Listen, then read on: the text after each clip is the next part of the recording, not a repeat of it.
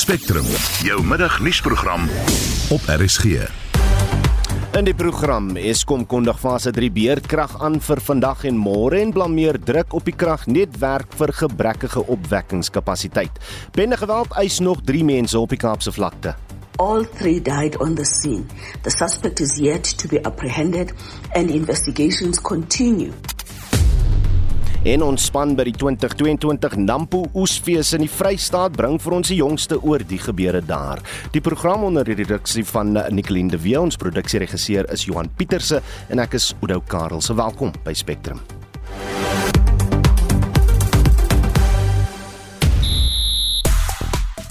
Uitstekende verdediging breek die WP wendroogte in Nelspruit. Orlando Pirates bespreek hulle plek in die Afrika Konfederasie beker eindstryd en die Australiese kriketgemeenskap geruk na Andrew Simons in 'n motorongeluk sterf. Meer hieroor bietjie later.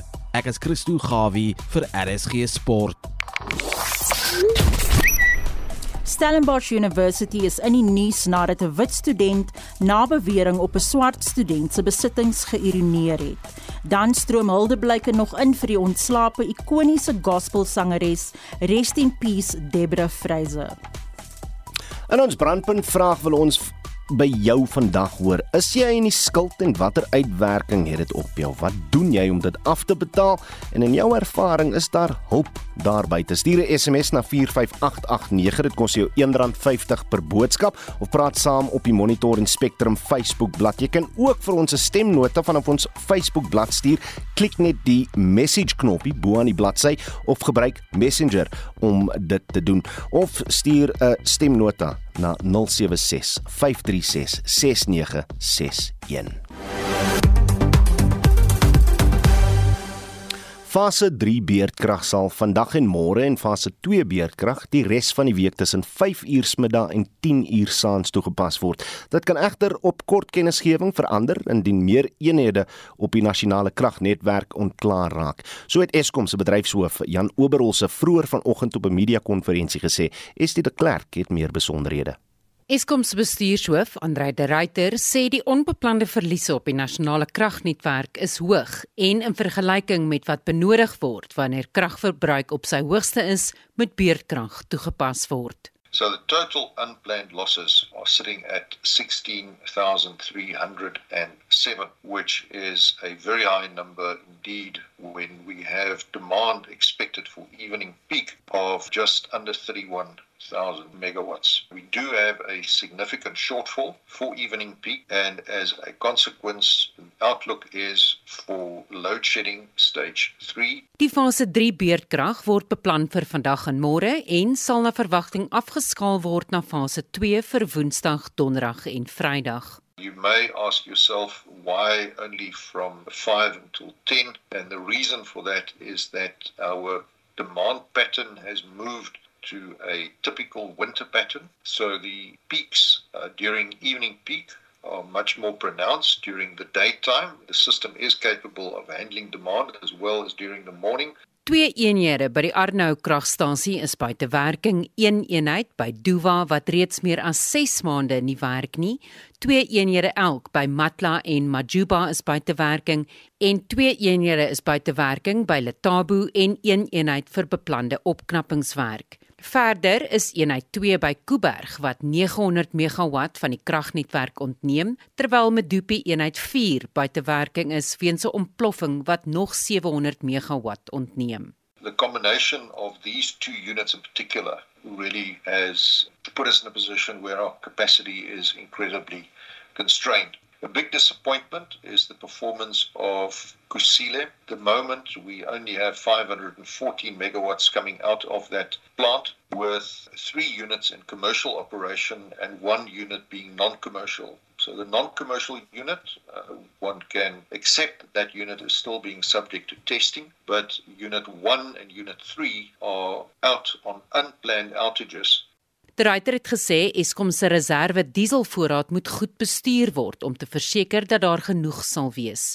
Oberholzer sê die kragrees verbrand op die oomblik 2 miljoen liter diesel per dag.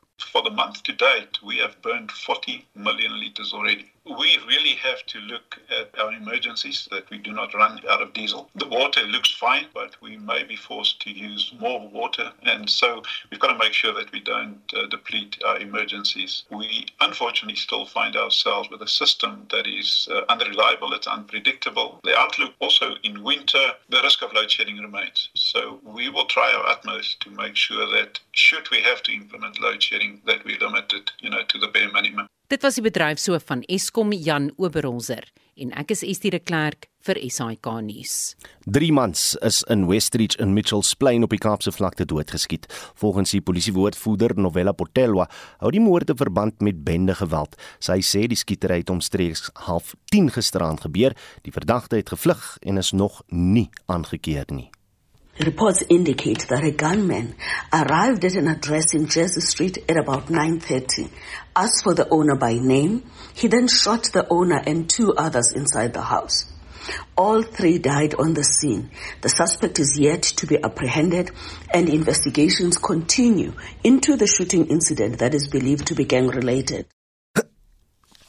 Skuif net aan en meer as 2000 afgevaardigdes van meer as 180 uh, lande neem deel aan die 5de internasionale konferensie oor die beëindiging van kinderarbeid.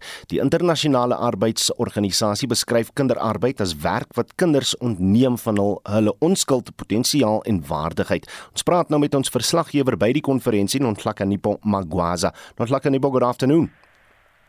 Good afternoon, Ujo, good afternoon to the listener at home. What are the statistics shared about child labor on a global scale?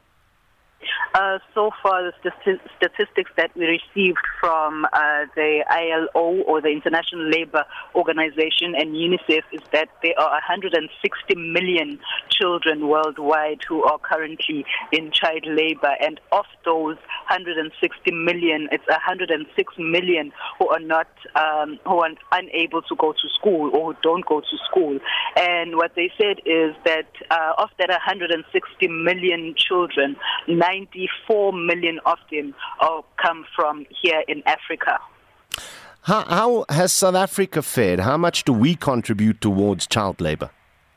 Uh, from what the president said and from what the Department of Labor said yesterday during the opening ceremony, yes, although South Africa has those incidences of child labor, but it's not as rife as the other African countries because we are cushioned uh, by the child support grants and the grants that the government gives to the parents in order to to help support the children.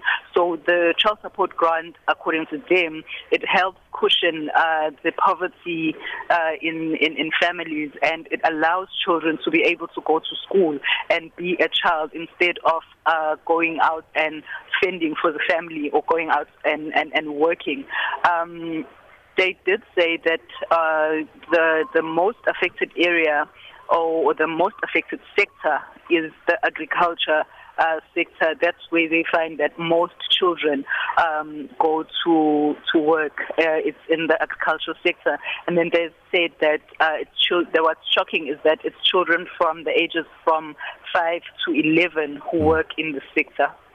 I'm sure delegates will be grappling with the issue the entire week, but how dangerous are these labor practices for the physical and emotional well being of children, according to, to some of these delegates? According to the International Labour Organization and the health organizations, as well as the social workers, it's very detrimental to the development of the child because it robs them of their childhood. Uh, they are not able to be children and, and do what children do. Uh, they grow up fast. They have to go out and work and fend for their families. That's what they're thinking of. And in some cases, the children are put in uh, dangerous um, working conditions, sometimes uh, in other African countries and in other countries um, worldwide. Uh, they are forced to go into mining or they are forced to, to go into um, uh, agriculture and they are not trained to do most of these works. They learn as they go. So, uh, in other instances, the, the work environment is not conducive to their health. So, it's uh, detrimental to their mm. health. So, they are trying to eliminate child labor by 2025. But from what I gathered and from listening to the um, uh, labor one of the labor organization leaders, uh, Jacqueline uh, Mugo from uh, from Kenya. She says that yes, um, there is some progress, but more should be done and more could have been done. Uh, she feels that uh, the heads of states and the labor uh, sector is dragging their feet. So they, during this um, period, uh, during the conference, they should be able to come up with a way forward and a concrete way forward in um, to eliminate child labor by 2025. This definition can become problematic in, in the sense that it's very difficult to, to really nail down. It's not as easy as just an age uh, limit definition. And, and, and I see that apparently light labor is allowed from 13 years and older. Uh, how is this defined? Um, from what they say is that any work that requires a child to work and they pay the child for that work, it's child labor. Uh, they're saying that a child shouldn't be uh, forced or they shouldn't have to go and work for in order for, for the family to put food on the table. That's what their definition is. So, but I think during the course of the week, we'll get a proper definition when they argue, when there are arguments uh, between all these countries and labor and activists, um, child activists, uh, as to what exactly constitutes as uh, a child labor. I'm also keen to hear from experts this week around the issue of as much as a child's rights are taken away initially what the knock on effect thereon is going to be that it's going to be incredibly difficult down the line then to reintegrate that child back into a school environment. It is. We were just speaking to uh, child labor survivors uh, when when you called. Uh, one of them is from Ghana. He said that the only reason, or yeah, the only reason he was able to escape was that he almost drowned um, while fishing with this uh, with his employer. So he was helped by his church in, to to to go back to school and uh, to be reintegrated into the community as a child because he grew up knowing that he has to help his mother put food on the table because the mother didn't go to, to, to, to school and his father deserted him when he was very young. So he had to play the, the father figure role at a very young age when he was five so he can support his mother. So yeah, it's uh, stuff like that that we are currently dealing with here at the conference. Ja, dit was ons verslaggewer by die internasionale konferensie oor die beëindiging van kinderarbeid in Ontlakanipo Magwaza. Nelson Mandela Bay Metro het presies 4 dae tyd om met 'n behuisingsplan vorendag te kom of die departement van eh, menslike nedersettings gryp in. Die minister van menslike nedersettings, Mamoloko Kubai, het tydens haar besoek aan die metro die ultimatum gestel. Kubai sê die metro het die afgelope boekjaar 150 miljoen rand aan die tesourier terugbetaal wat vir die bou van huise begroot is. Vincent Mofokeng doen verslag. Politieke onbestendigheid, interne striwelinge Slordige werk en gespanne werksomstandighede binne die drie sfere van die regering is glo die hoofredes hoekom die metro nie huise gebou het nie. Slegs 28 huise is die afgelope boekjaar gebou en gevolglik is 150 miljoen rand aan die tesourie teruggegee. Die metro is gewaarsku dat indien hy nie sy sake in orde kry nie, die nasionale departement binnekort sal ingryp. Kubai sê daar is 'n moontlikheid dat die metro se begroting weens sy onderbesteding gesny sal word. As you know, municipalities, we have a different financial year. We are left with two months towards the end of this financial year and also starting to prepare for the new financial year. And therefore, it's important for us to be able to be comfortable that when we start a new financial year, things will be in place. We will understand that projects have to move and we'll understand that we have to ensure that we are delivering. Die voormalige minister van menslike nedersettings, Lindiwe Sisulu, het in 2016 die metro van sy magte gestroop om huise te bou en gesê die munisipaliteit kan nie hierdie verantwoordelikheid hanteer nie.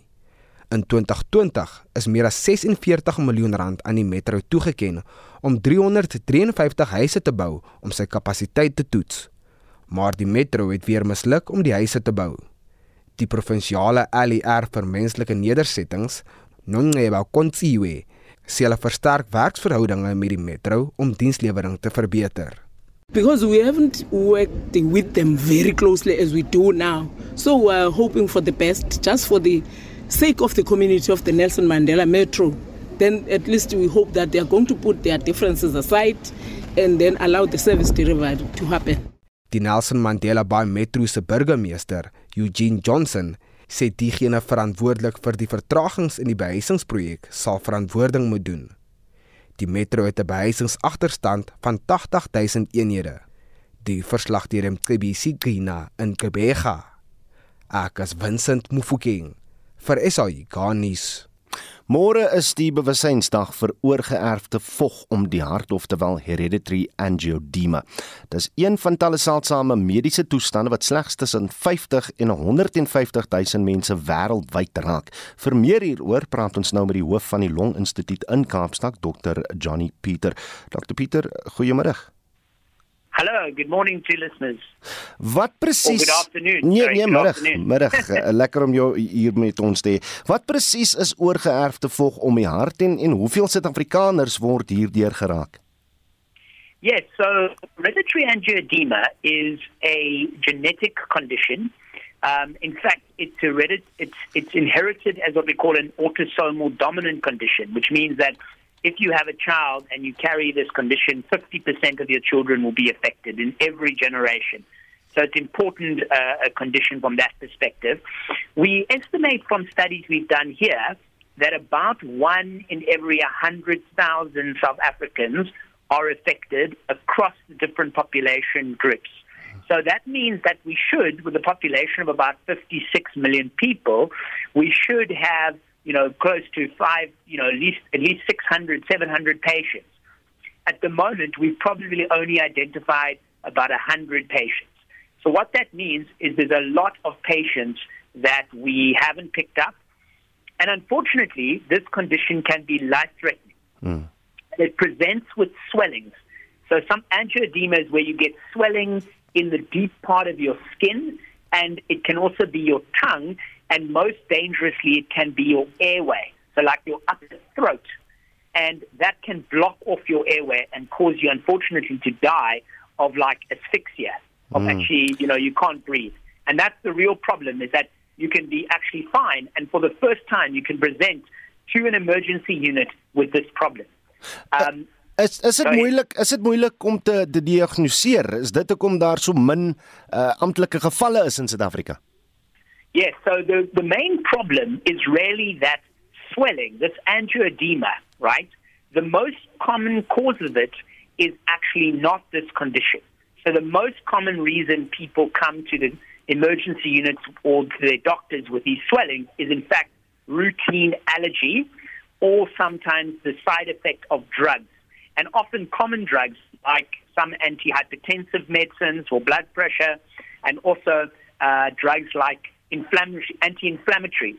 So the problem for doctors in the emergency units is that they're seeing a lot of these swellings, hmm. probably three or four patients a week arriving in the casualty with these swellings, and yet only one in a hundred thousand, say, will have this condition.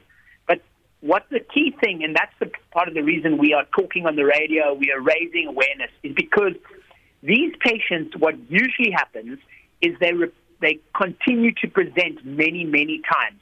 So, you know, it's okay, maybe the first time the doctors might get it wrong, but when they keep coming back, that's when we want doctors and also importantly patients to be aware of this. Because if the patient themselves have heard about this, say, on the radio, and they say, hey, I've had this swelling, hmm. maybe it could be this condition, oftentimes that's what's needed for them to say to their doctor, hey, you know, I've heard about this.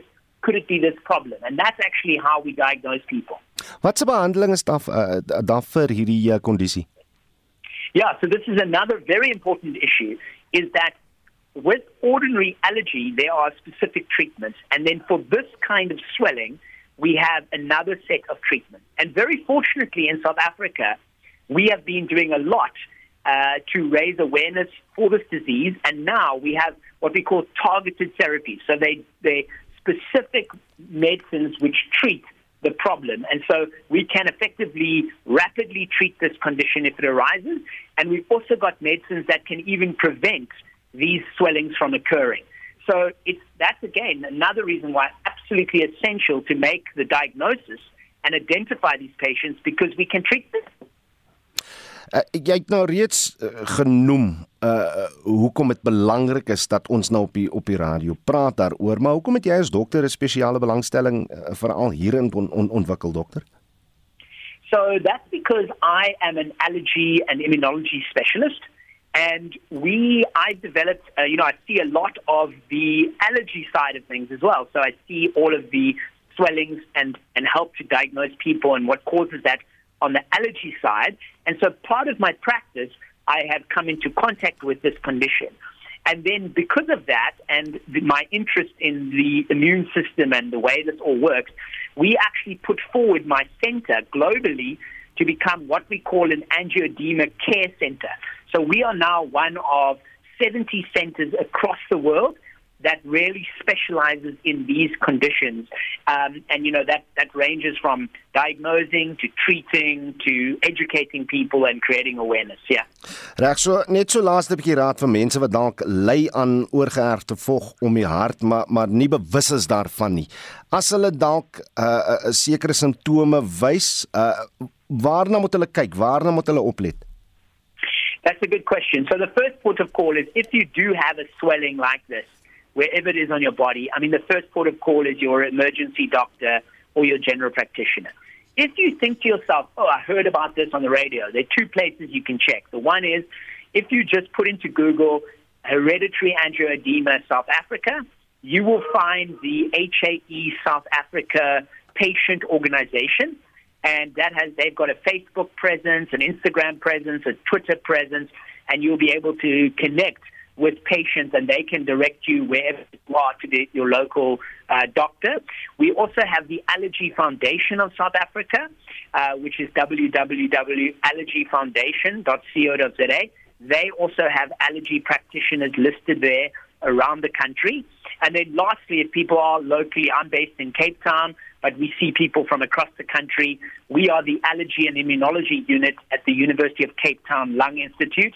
And if, again, if you just put in UCT Lung Institute, you will find our website and you can make contact with us through that way. Nou, dit was die hoof van die Long Instituut in Kaapstad, Dr. Johnny Pieter. Die skrywer en televisiepersoonlikheid Jan Skanaal, beter bekend as Jan Braai, het saam met 'n paar van sy vennote fietsse aan hoërskoolleerdlinge van Kaalitsdorp in die Klein Karoo geskenk. Baie van die kinders het weens lang afstande na die naaste skole gereeld uitgebly of eenvoudig die skool verlaat. Volgens Skanaal het van die kinders se punte verbeter danksy die nuwe vervoer skool toe. Ek het so 'n paar jaar gelede begin gereeld tyd spandeer in Kaalitsdorp. Vakansie en om te braai en dis 'n plattelandse dorp in 'n pragtige deel van Suid-Afrika in die Klein Karoo. Daar's egter heelwat armoede, maar daar is 'n baie goeie hoërskool en twee baie goeie laerskole waar die plaaslike gemeenskap se kinders heen gaan. En baie van die kinders spandeer baie lank tyd elke dag om skool toe te stap en die huis toe te stap. So dit ons begin geld insamel saam met my vennote in hierdie projek wat the 91 is TPS Avpop en Alexander Forbes en begin fietsse skenk Quebeca fietsse aan die leerders by die skool. Nou so hierdie skenking van sowat 600 fietsse het natuurlik 'n groot impak gehad op die leerders self en dan het jy ook ander skenkings gemaak wat natuurlik die skole in die gemeenskap kan help. Dit het veroorsaak dat die skoolpunte opgegaan het en dat die uitval persentasie met ander kinders wat die skool klaarmaak nie het begin afneem en na dese het ons al 600 fietsse uitgedeel aan kinders in Karlsdorp. So feitelik elke hoërskoolleerling het hulle fiets ontvang. Hulle kry natuurlik dan ook lesse hoe om veilig fiets te ry. Elkeen kry ook 'n fiets van hulle. En ons het nou met die vernote ook begin rekenaars skenk aan ex-leerlinge van Karlsdorp hoor wat tersiêre onderrig ontvang.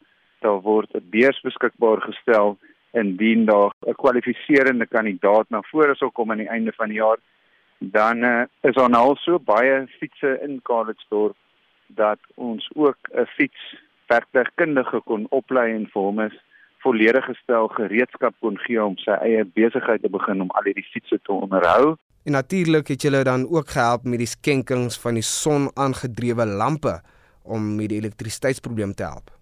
Dan is daar natuurlik ook baie kinders wat nie elektrisiteit het in die huise waar hulle is in die aand om te studeer nie. En daar is dan ongeveer 1000 sonaangedrewe ligte geskenk aan elke leerder in elke laerskool van die dorp sodat wanneer hulle tuis is en dit donker is, hulle steeds lig het om te kan studeer en ook natuurlik wanneer daar lig is in baie van hierdie huise sonder elektrisiteit, is dit lampe of kersse wat nie 100% gesond is nie. So dit is ook nie net dat daar lig is nie, maar ook 'n gesonder weergawe van lig om by te studeer. So ons voel om al die vennote wat nou myself en 91 PPS FOB en Alexander Forbes dat almal hulle liefdadigheidsgeld of gedeeltes van liefdadigheidsgeld fokus op dieselfde plattelandse dorp maak dat jy sinergie het en waar 2 + 2 nie meer 4 is nie maar miskien 6 of 8 En dit was die televisiepersoonlikheid Jan Skanaal ook bekend as Jan Braai en hy het met Vincent Mofokeng gepraat. Jy luister na Spectrum. Elke week saterdag tussen 12 en 1. 12:30 en in die nuus. Nomsa dreig met 'n sekondêre staking in Tshwane. Die Solplaatjie munisipaliteit sê die watertoevoer na Kimberley en omliggende gebiede is stelselmatig besig om terug te keer. En die Grey Hoërskool in die Oos-Kaap vernoem sy hoof rugbyveld na die Springbok kaptein Sia Kolisi. I don't take this lightly, and I know it's not a small decision, and I'm so grateful. And yeah, it's a huge honor. I love this school. Bly ingeskakel. Daar is geen verkeer. Ons begin in KwaZulu-Natal. Daar is padwerk op die N3 Wes tussen Keyridge en Peaceville en die regterbaan is versper. Ook padwerk op die N2 Noord by die KwaMashu wisselaar en die regterbaan is gesluit. In Gauteng was daar vroeër 'n botsing op die N1 Suid by Samrandlaan. In Pretoria is daar padwerk op die N1 Suid na die proefplaas wisselaar en die linkerbaan is gesluit. Dit was dan jou verkeersnuus vanmiddag hier op Spectrum.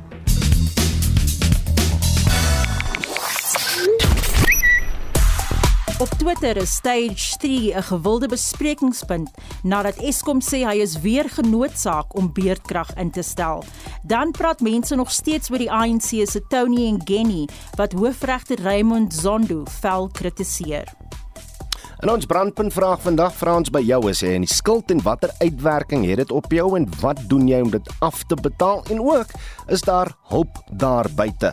Wel op ons Facebook bladsy Maritjie lyk dis 'n wrede sirkel. Mense kan nie altyd alles kontant bekostig nie en moet nood noodgedwonge gedwonge skuld maak. In tye van daardie skuld gemaak, uh word dit op 'n huidige bekostigbare raming gedoen en dan kom die regering se onredelike verhogings maand na maand. Mense kry nie 'n maandelikse verhoging nie. Hoe moet mense dan bly kop bo water hou? Ek sê die regering moet begin pa staan vir mense se skuldlas sodat hulle meer bedaagsaamheid aan die uh, dag kan uh, begin lê vir noodsaaklike noodsaaklike dienste verhogings. Duisende mense is in groot moeilikheid as gevolg van die gedwonge lockdown en aanhoudende brandstofverhogings. Genoeg is genoeg sê Maritjie. En Killian sê lankal slim geraak, koop niks op skuld, uh, kom klaar met wat jy het. Moenie jouself in skuld dompel om ander te beïndruk nie. Dan sê Petro Matthys en ek het 5 maande terug afgetree, is klaar met skuld, koop niks meer op skuld nie, leef op die geld wat ek het. En dan op ons SMS lyn sê Adri, ek is in die skuld omdat SARS my terugbetalingsskuld uh, wat die ouditeur net nie uit hulle uit kan kry nie, hande in die hare sit ek. Christa van Brits sê skuld is soos dwelms, as jy eers daarin is, gaan jy sukkel om uit te kom. Ek rook en drink nie en skuld niemand niks nie. Dankie Jesus sê Christa van Brits. En skuld is onnodig sê Leon op die SMS lyn, maar my vrou kan nie by uh, Vodacom 'n foonkontrak kry nie want sy het nie 'n kredietrekord nie. Sy moet skuld hê om te kan bewys sy is 'n betroubare betaler. Hoe rym dit dan nou? Stuur gerus nog terugvoer na ons op ons SMS lyn 45889. Dit kos jou R1.50 per boodskap en dan kan jy ook lekker gesels op ons Monitor het Spectrum Facebookblad waar jy ook vir ons 'n stemnota kan stuur anders op uh, WhatsApp stuur hom op 0765366961.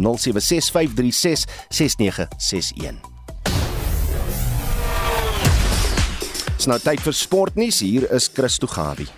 In die afgelope naweek se 11de ronde van Curriebeeker aksie het die WP die beste naweek van sy veldtog agter die rug. Die streeptrye het met 'n bietjie geluk en toewyding 'n 8ste eenvolgende nederlaag gesystap toe hulle die Pumas Vrydag aand in Bombela met 23-17 geklop het. Die Bulle het met 43-37 oor die Leeu's in Pretoria geseëvier, terwyl die Cheetahs die Haie in Durban met 44-15 geklop het. Die naweek skuif die aksie na VRK Kampioenskapskragmetings wanneer die Sharks Vrydag aand teen Ulster te staan kom. Die Bulls is ook in aksie net na 9 namiddag teen Ospreys. Saterdagmiddag om 4 is die Lions te sien teen die Dragons en die Storm is net na 6 teen Scarlets.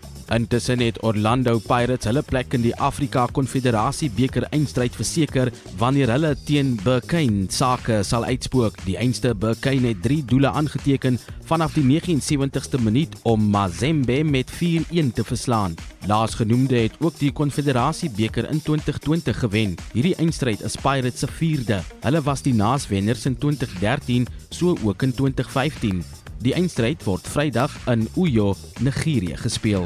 In Engelse Premierliga het Manchester City gister sy greep op die Engelse Premierliga titel in die eerste helfte teen West Ham verloor, maar in die tweede helfte teruggeveg om die titel weer binne sy bereik te plaas. Die kragmeting het met 2-2 gelyk opgeëindig. City beweeg 4 punte voor Liverpool bo aan die punteleer, maar die Reds wat viervoudig jag, het môre 'n wedstryd weg teen Southampton. In gister se ander wedstryde het 'n strafdoel deur Harry Kane Tottenham Hotspur bo Arsenal in die 4de posisie laat opskuif. Spurs het Burnley met 1-0 geklop. Leeds en Brighton het met 1-1 gelykop gespeel. Saterdag aand in die Wembley Stadion het Liverpool in die FA beker na strafdoel uitskopstryd teen Chelsea met 5-4 gewen. Die telling was na bykomende speeltyd steeds 0-0. En die cricketwêreld het gister die afsterwe van een van sy gunsteling karakters betreur nadat Andrew Symonds, voormalige veelsidige speler van Australië, in die ouderdom van 46 oorlede is. Symonds is Saterdag aand in 'n motorongeluk in Queensland dood. Sy motor was die enigste wat in die ongeluk betrokke was. Symonds het in 26 toetse, 198 eendagwedstryde en 14 T20s vir die Aussies gespeel. Hy was ook deel van die span wat die Wêreldbeker toernooi in 2003 en 2007 gewen het. Een van Symonds se Aussie spanmaats, Shane Warne, is ook 'n paar maande gelede onverwags oorlede. En dit was ons sportkorrespondent Christo Gawi.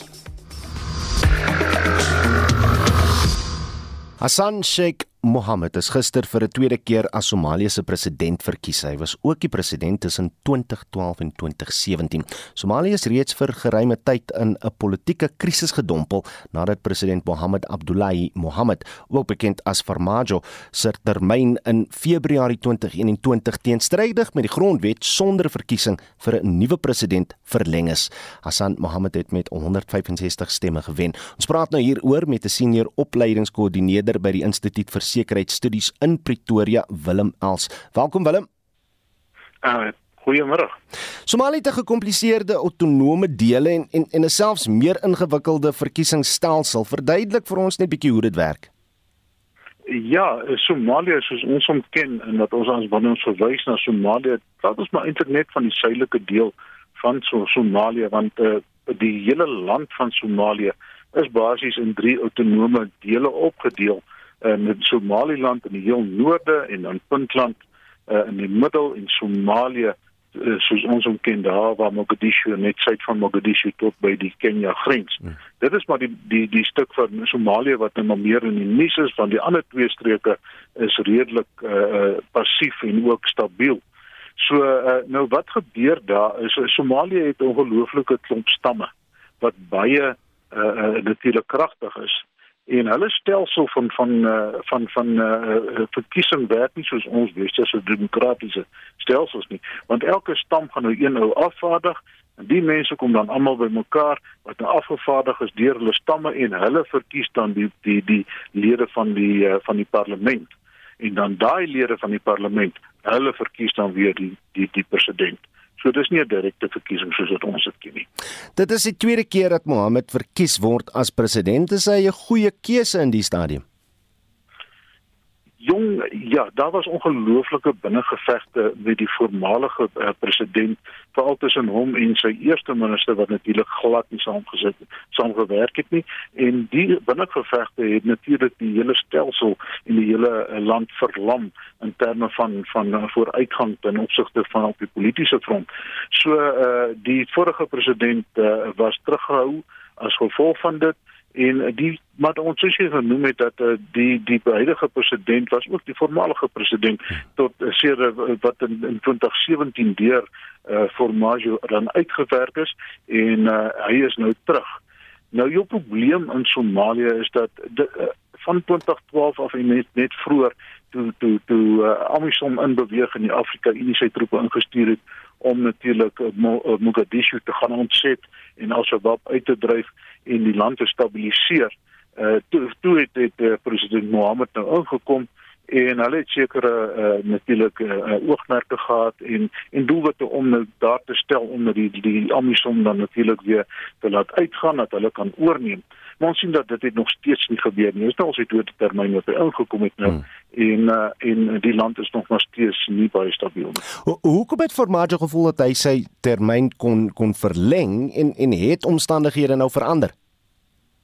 Ja, omstandighede nou verander in terme van dat hulle nou weer terug is na wat die grondwet sê, die grondwet wat uh, natuurlik dikteer dat 'n president moet verkies word en hy word dan daar gestel vir die tydperk uh, volgens die grondwet wat 4 jaar is. Nou sien ons dat uh, die Formaggio was nou daar vir 5 jaar waarvan ongeveer 'n jaar hy nou nie die wettige president in terme van die grondwet was nie. Hulle is nou weer terug by die grondwet en ons hoop dat dinge sal nou stabiliseer veral ten opsigte van die binnengevegte binne die parlement. Wat het Hassan Sheikh Mohammed met sy eerste termyn gedoen? Ja, uh, in sy eerste termyn was hy die tweede die eerste president wat uh, wat oor uh, Mogadishu kon kon regeer.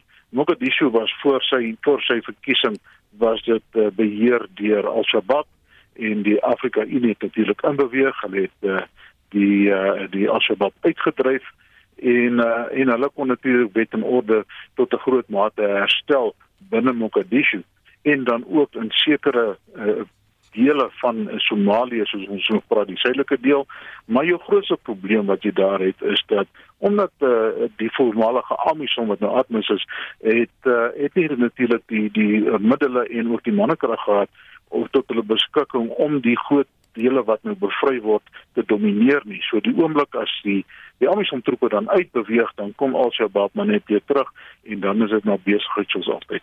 So wat hou die toekoms in onder uh, en in hierdie tweede termyn van Hassan Sheikh Mohammed? Wel uh, wat in hierdie termyn gaan gebeur is dat Asmus uh, werk nou met uh, met 'n uh, 'n strategie van oorhandiging. Hulle moet teen 2024 moet hulle dan die natuurlik die sekuriteit en al die die die uh, dinge oorhandig aan die huidige president wat dan met sy soldate en met sy polisie mag die stabiliteit wat daar tot 'n mate herstel is moet handhaaf en daarvoor sien ons redelike probleme. Ons het gepraat daar met 'n senior opleidingskoördineerder by die Instituut vir Sekuriteitsstudies in Pretoria, Willem Els. Finland en Swede het albei aangedui dat hulle by die Noord-Atlantiese Verdragsorganisasie oftelwel NAVO wil aansluit. Vir watter gevolge die stap sou inhou, praat ons nou met die hoof van internasionale skakeling by die Solidariteitsbeweging, Jaco Kleinhans. Middag Jaco. Goeiemiddag Oudo. Is dit 'n verrassende wending gegee die lande se historiese standpunt oor NAVO-lidmaatskap? Ja, kyk, eintlik is dit 'n uh, nie noodwendig verrassend nie, maar dis natuurlik 'n groot verskuiwing. Uh, Swede, 'n land wat vir 2 eeue eintlik uh, binne Europa militêre neutraliteit voorgestaan het en waarvan die grootste deel van die bevolking ook tot baie onlangs ten gunste daarvan Finland, um, het sedert die einde van die Tweede Wêreldoorlog um, vir 70 uh, jaar, sy sewe dekades nou uh, so 'n posisie van neutraliteit behou, uh, weens wat in die Tweede Oorlog gebeur het toe Finland en Rusland Duitsland uh, twee keer in baie ernstige ehm uh, ehm uh, vertakkings eintlik van die Tweede Wêreldoorlog betrokke was. Finland het 9% van sy grondgebied verloor en daar was dus goeie historiese redes vir beide Swede en Finland om nadat NAVO in 1949 opgerig is, nie by hulle aan te sluit nie omdat hulle natuurlik nie Rusland wou uitblok nie. Hulle wou nie gehad het Rusland moet voel vir al Finland wat 'n grensdeel, 'n groot grensdeel met Rusland dat dat NAVO dus uitbrei tot op die grens grens met Rusland nie. Die oorlog in Oekraïne is natuurlik die ding wat dit alles verander het. Ja, so vrees is die groot faktor wat hier uh, in werking tree. Heeltemal uh, heeltemal korrek. As ons net kyk na Finland, en nou Finland deel 'n grens van 1340 km uh, met Rusland. En soos ek gesê het, hulle was in in ewige oorloë in die verlede gewikkel gewees en Finland wat dus uh, uh, na die Tweede Wêreldoorlog 'n ooreenkoms met Rusland bereik het, um, waar hulle eintlik probeer het om om om 'n uh, soort van neutraliteit te behou terwyl Finland wat 'n klein bevolking maar van 5,5 miljoen mense het, wel om ster, baie sterk gemilitariseer het. Ek dink daar onderskei Finland homself van baie ander lande in Europa waar ons gesien het lande soos Duitsland en Swede en ander oor die afgelope paar dekades eintlik hulle weermagte wesentlik verklein het, het Finland baie geld spandeer op sy weermag. So dis 'n land met 'n sterk weermag, maar dit is 'n land wat uh, so klein is dat hy steeds nie homself uh, sou kon beskerm sou Rusland hom vandag binneval nie. En wat het verander? Onthou almal van ons, die meeste van ons het in Januarie en vroeg in Februarie vanjaar ook nog gedink dat daar nie goeie logiese rede is vir Rusland om Oekraïne aan te val nie. Dit het eintlik nie sin gemaak nie. Dit was nie logies gewees nie. En Finland se se regering het dit baie goed verwoord in 'n verklaring uh, verlede donderdag toe hulle gesê het, um, Rusland moet eintlik net in die spieël gaan kyk na wat hy gedoen het hierdie afgelope uh, byna 3 maande om te verstaan waarom Finland nou hierdie drastiese stap neem uh, om by NAVO aan te sluit. Nie dat Rusland aan aan aan Finland of Swede kan vo voorskryf nie, maar maar Rusland se se reaksie was uh, redelik heftig. Kan nie die Russiese president Vladimir Putin se reaksie as 'n verskeilde dreigement beskou word, Jaco? Absoluut so die uh die Russiese president het gesê dat hulle vergeldingsstappe sal neem uh teen uh Finland uh en Swede. Presies wat dit behels is nie heeltemal duidelik nie. Daar's daar's natuurlik um uh kleiner dinge wat hulle kan doen. Ons het gesien oor die naweek dat uh, elektrisiteit na Finland afgesny is. Nou Finland het so 10% van sy elektrisiteit uh, uit Rusland ingevoer, maar hy kon dit onmiddellik vervang met invoere uit Swede en plaaslike produksie. Dan is daar daar natuurlik gas uh, wat uitgevoer word. Uh, Daar's ander stappe wat geneem word. Ek dink nie militêr gewys kan Rusland op hierdie stadium ehm um, noodwendig uh, stappe neem nie omdat ons reeds sien dat die Verenigde Koninkryk verlede week toe Boris Johnson Swede en Finland besoek het 'n uh, veiligheidswaarborge aan hierdie lande gegee het. Uh, ons sien dat die Amerikaanse president Joe Biden uh, in dieselfde rigting praat. Uh, Swede se staatshoof wat ook onlangs in Washington DC was. So jy sien eintlik dat in aanloop tot hierdie aansluiting wat natuurlik tot 'n jaar kan vat voordat hulle 'n uh, uh, uh, wettige lede van NAVO is, uh, daar reeds groot westerse militêre magte soos die Verenigde Koninkryk en die VSA's wat sê hulle sal hierdie twee lande beskerm. So ek dink dit skep eintlik maar net nog meer van 'n gespanne verhouding uh, in die in op die oosgrens, die grens tussen uh, Europa of tussen die westerse wêreld en, en Rusland en natuurlik gaan dit uiteindelik um, hierdie hele grensgebied uh, dramaties vergroot weens daardie uh, lang grens tussen Finland en Rusland. Sou die twee lande uiteindelik dan nou wel uh, lid word. Die enigste uh, lidland van die huidige 30 lidlande van NAVO wat lyk my so 'n bietjie uh, onseker is hieroor is Turkye, hmm. maar daar was oor die naweek in Berlyn 'n vergadering hieroor Udo en en van ministers van buitelandse sake van die NAVO lidlande waar hulle probeer het om hierdie kwessies uit te sorteer. Ja, ek bly jy daar daarby uitgekom. Dit was hoof van internasionale skakeling by die Solidariteit Beweging, Jaco Kleinhans.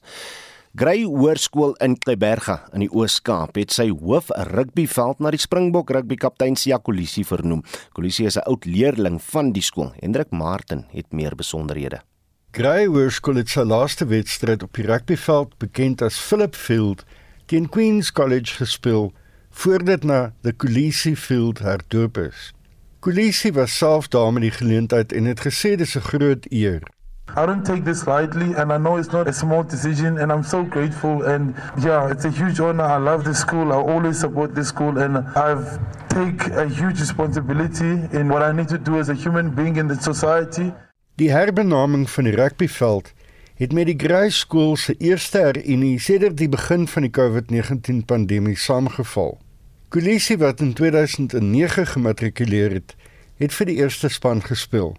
Hy onthou sy eerste oomblikke by die skool. It's something that in my wildest dream I never would have dreamed of.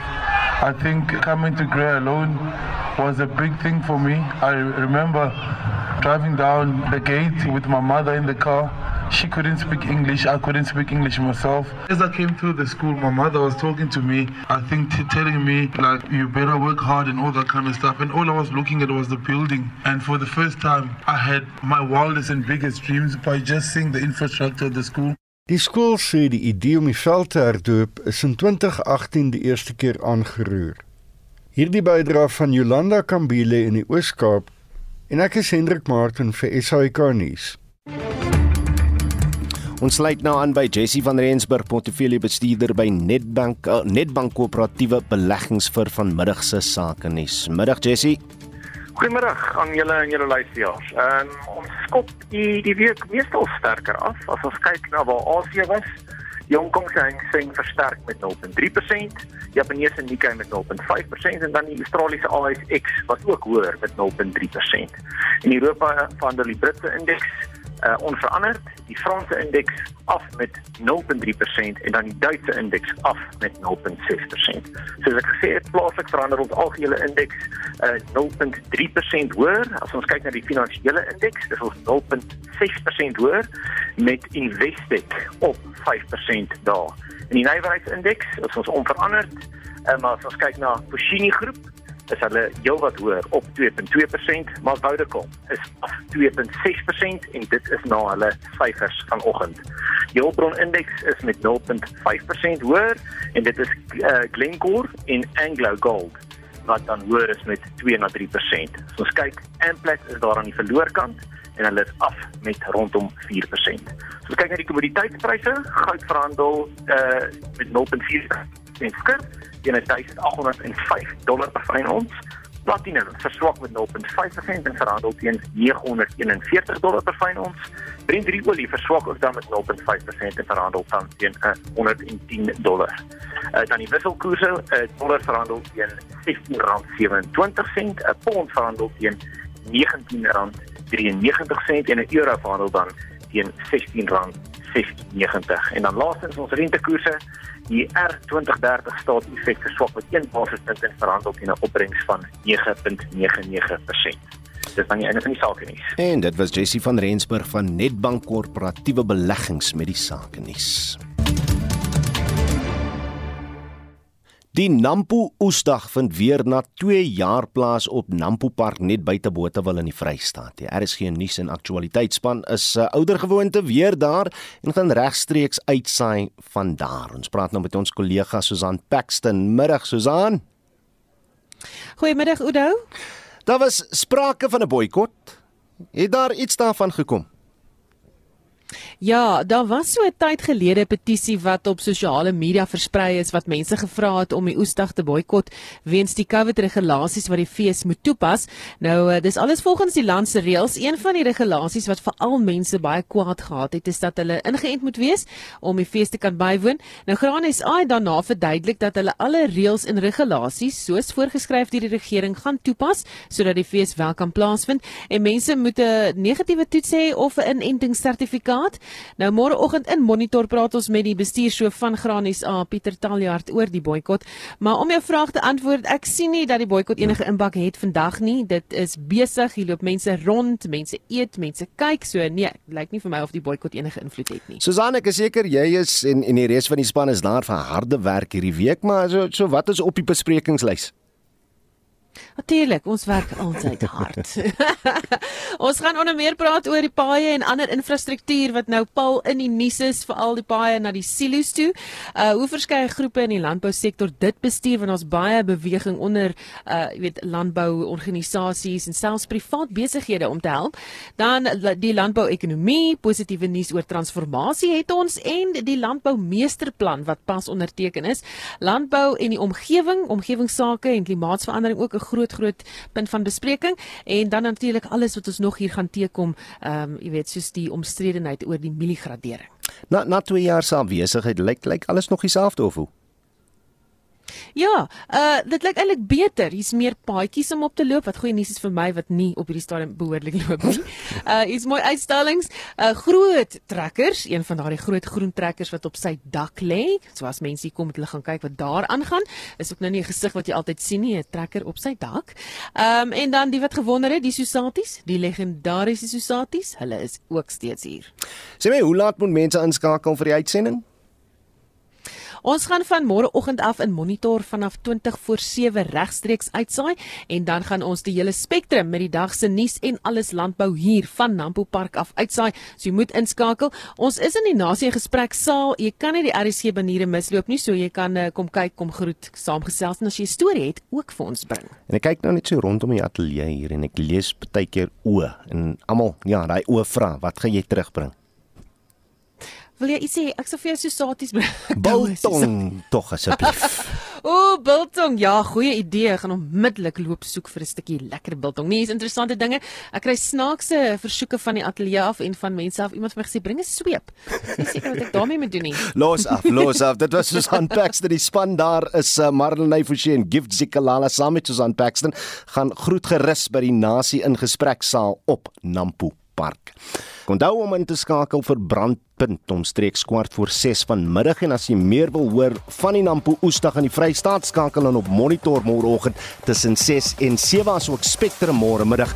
Ons groet namens ons uitvoerende regisseur Nicoline de Wee wat ook vandag ons redakteur is, so sy kry die grootste stuk biltong. Produksieregisseur Johan Pieterse en ek is Oudo Karel. Se geniet jou middag in die geselskap van RSG. Totsiens.